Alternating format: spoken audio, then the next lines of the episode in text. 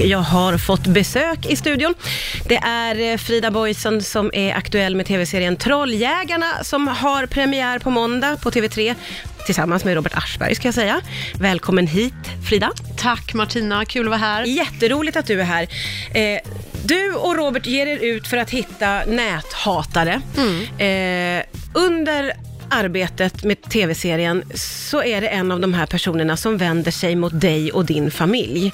Jag vill, måste få börja där. Vad var det som hände? Ja, nej men det som hände var att jag var ute på en av de här konfrontationerna. Vi alltså har gjort eh, värsta detektivarbetet och eh, ja, med diverse bevisning hittar hem till ett troll helt enkelt. Eh, knackar på, frågar om han vill komma ut och prata om det här och ja, han, han gör faktiskt det. Och jag står och pratar med honom länge och väl i ja, säkert över en timme. Och det slutar med att han blir våldsam. Han, han börjar, eh, ja, knuffar till mig rejält så att jag liksom typ tappar balansen och på att ramla i backen och, och, och trycker till en fotograf och sådär. Och, Vad gör ni då? Nej, men då säger jag, nej men nu får du lugna ner dig, liksom. nu går vi. Liksom. Ja. Nu får du lugna dig, det är inte okej. Eh, åker hem och, och så på vägen hem så eh, ringer min dotter och bara, mamma, alltså, har du lagt ut något på Blocket? Alltså, det kommer, alltså, jag har fått hundratals sms och samtal här på, alltså, jag vet inte, några minuter, sa hon. Och, 13 år då, liksom, eh, 13-årig tjej och jag bara, du svarar inte på något, så jag, det är säkert mammas jobb, så jag, jag har inte lagt ut något, ta inte, rör inte telefonen. Eh, kommer hem eh, lite senare och, och så på kvällen så ja, det börjar trilla in alltså, sms till min dotter där det liksom står bland annat, ja vi ska grilla dina äckliga bröst, vi ska sprätta upp din mage. Alltså, Men hur reagerar du som mamma då? Alltså, det var, det var hemskt. Alltså, där, där ligger jag i, eh, och ska natta min lilla tjej liksom, och så ser jag hur det, hur det piper till i hennes mobil och tar den och liksom bara ser vad det står. Jag bara, men alltså på riktigt. Vad är det här? Det, alltså, jag har jobbat som krönikör och chefredaktör och allt möjligt i många år eh, och, och tyvärr har blivit van vid, som många kvinnor inte minst i vårt land, men alla möjliga människor, och, med hat, alltså människor som tycker att jag är en hora och jag ska hålla käften och jag kan ta livet av mig och allt möjligt. Och tyvärr har jag li, li, lite grann vant mig vid det där. Det är också hemskt, men att de går på en 13-årig tjej, det, det var verkligen ett slag under bältet. Men du fick inga dubier kring vad du jobbar med då? Förstår du vad jag menar? Ja, jo, alltså det är klart man bara tänkte till att, gud, vad, vad är det här? Men alltså framförallt blir jag ju arg, men också ledsen. Alltså det, var, det kändes, det gjorde Ja. det verkligen.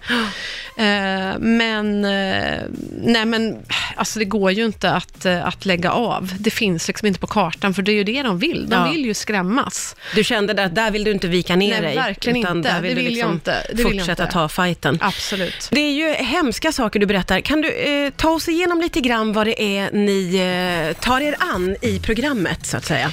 Ja, men det är ju alltså människor som gör det till sin livsuppgift att förstöra livet för människor genom att hota dem. Inte bara hota människorna i fråga, utan kan ofta handla om att till och med hota deras barn. Alltså vi, vi har hjälpt människor som har fått dödshot där det står att ja, vi ska skjuta dina barn i pannan. Vi ska våldta din tjej. Och det bara fortsätter och fortsätter och det är trakasserier som liksom inte slutar. Kan fortsätta liksom i flera veckor, månader, halvår där det... Det är ju väldigt, väldigt allvarliga hot. Mm. Finns det risker att man gör allvar av hoten, eller är det tomma hot? Tack och lov så, så får man väl säga att ofta så, så stannar det ju vid att man bara, bara och bara vill skrämmas och liksom men det är ju obehagligt nog i sig, Ja. det är ju en terror. Liksom. Men, men visst, man vet ju aldrig. Ibland så är det ju faktiskt så att hoten eskaleras och, och det, det är fruktansvärt i sig. Eh, jag tänker på alla de här eh, dickpixarna som ju är jättevanligt att inte minst unga tjejer får alltså könsorgan skickade till sig. Och man ska komma ihåg, komma ihåg att liksom, eh, Englas mördare, jag menar Anders Eklund, han började med att, vara en blottare. Så ofta börjar eh, liksom brottslighet och det eskalerar. Det är varningsklockor. Det är varningsklockor, det är, att, det är en gränslöshet, man går över alla gränser. Eh, jag har ju själv varit med om faktiskt tidigare eh, i mitt yrke som, som chefredaktör, att, att hot har, har kommit till tröskeln. Man, man står där, man ska gå in på sitt jobb, plötsligt så står det ett paket vid dörren och man har fått massor av knivhot och mordhot och grejer och, och så plötsligt står det ett paket där adresserat till, till en och så jag stod min vice vd och lyfte på, på paketet och det stod en uniformerad polis. Jag kom precis upp från lunchen och, och så säger polisen, men gud, lyfte du på paketet? Och, och min kollega bara, ja, ja men vad var det i det då? Det Något tungt och löst och polisen bara, sätt ner det försiktigt och så bara vänder den sig in i sin walkie-talkie och ropar typ till bombgruppen, stå på! Och Och så vände han sig mot mig och bara, du måste utrymma redaktionen nu. Och då tror man liksom att man är med i någon film eller någonting. Men, men eh, det är det ju inte, utan det är liksom verklighet. Att du pallar fortsätta när du lever i en sån verklighet, det tycker jag är anmärkningsvärt. Jag måste ju ställa frågan till dig, du som eh, jobbar med det här och har varit med om väldigt mycket. Kan du se en ljusning i detta med näthat och nättroll, eller är det bara ett fortsatt mörker?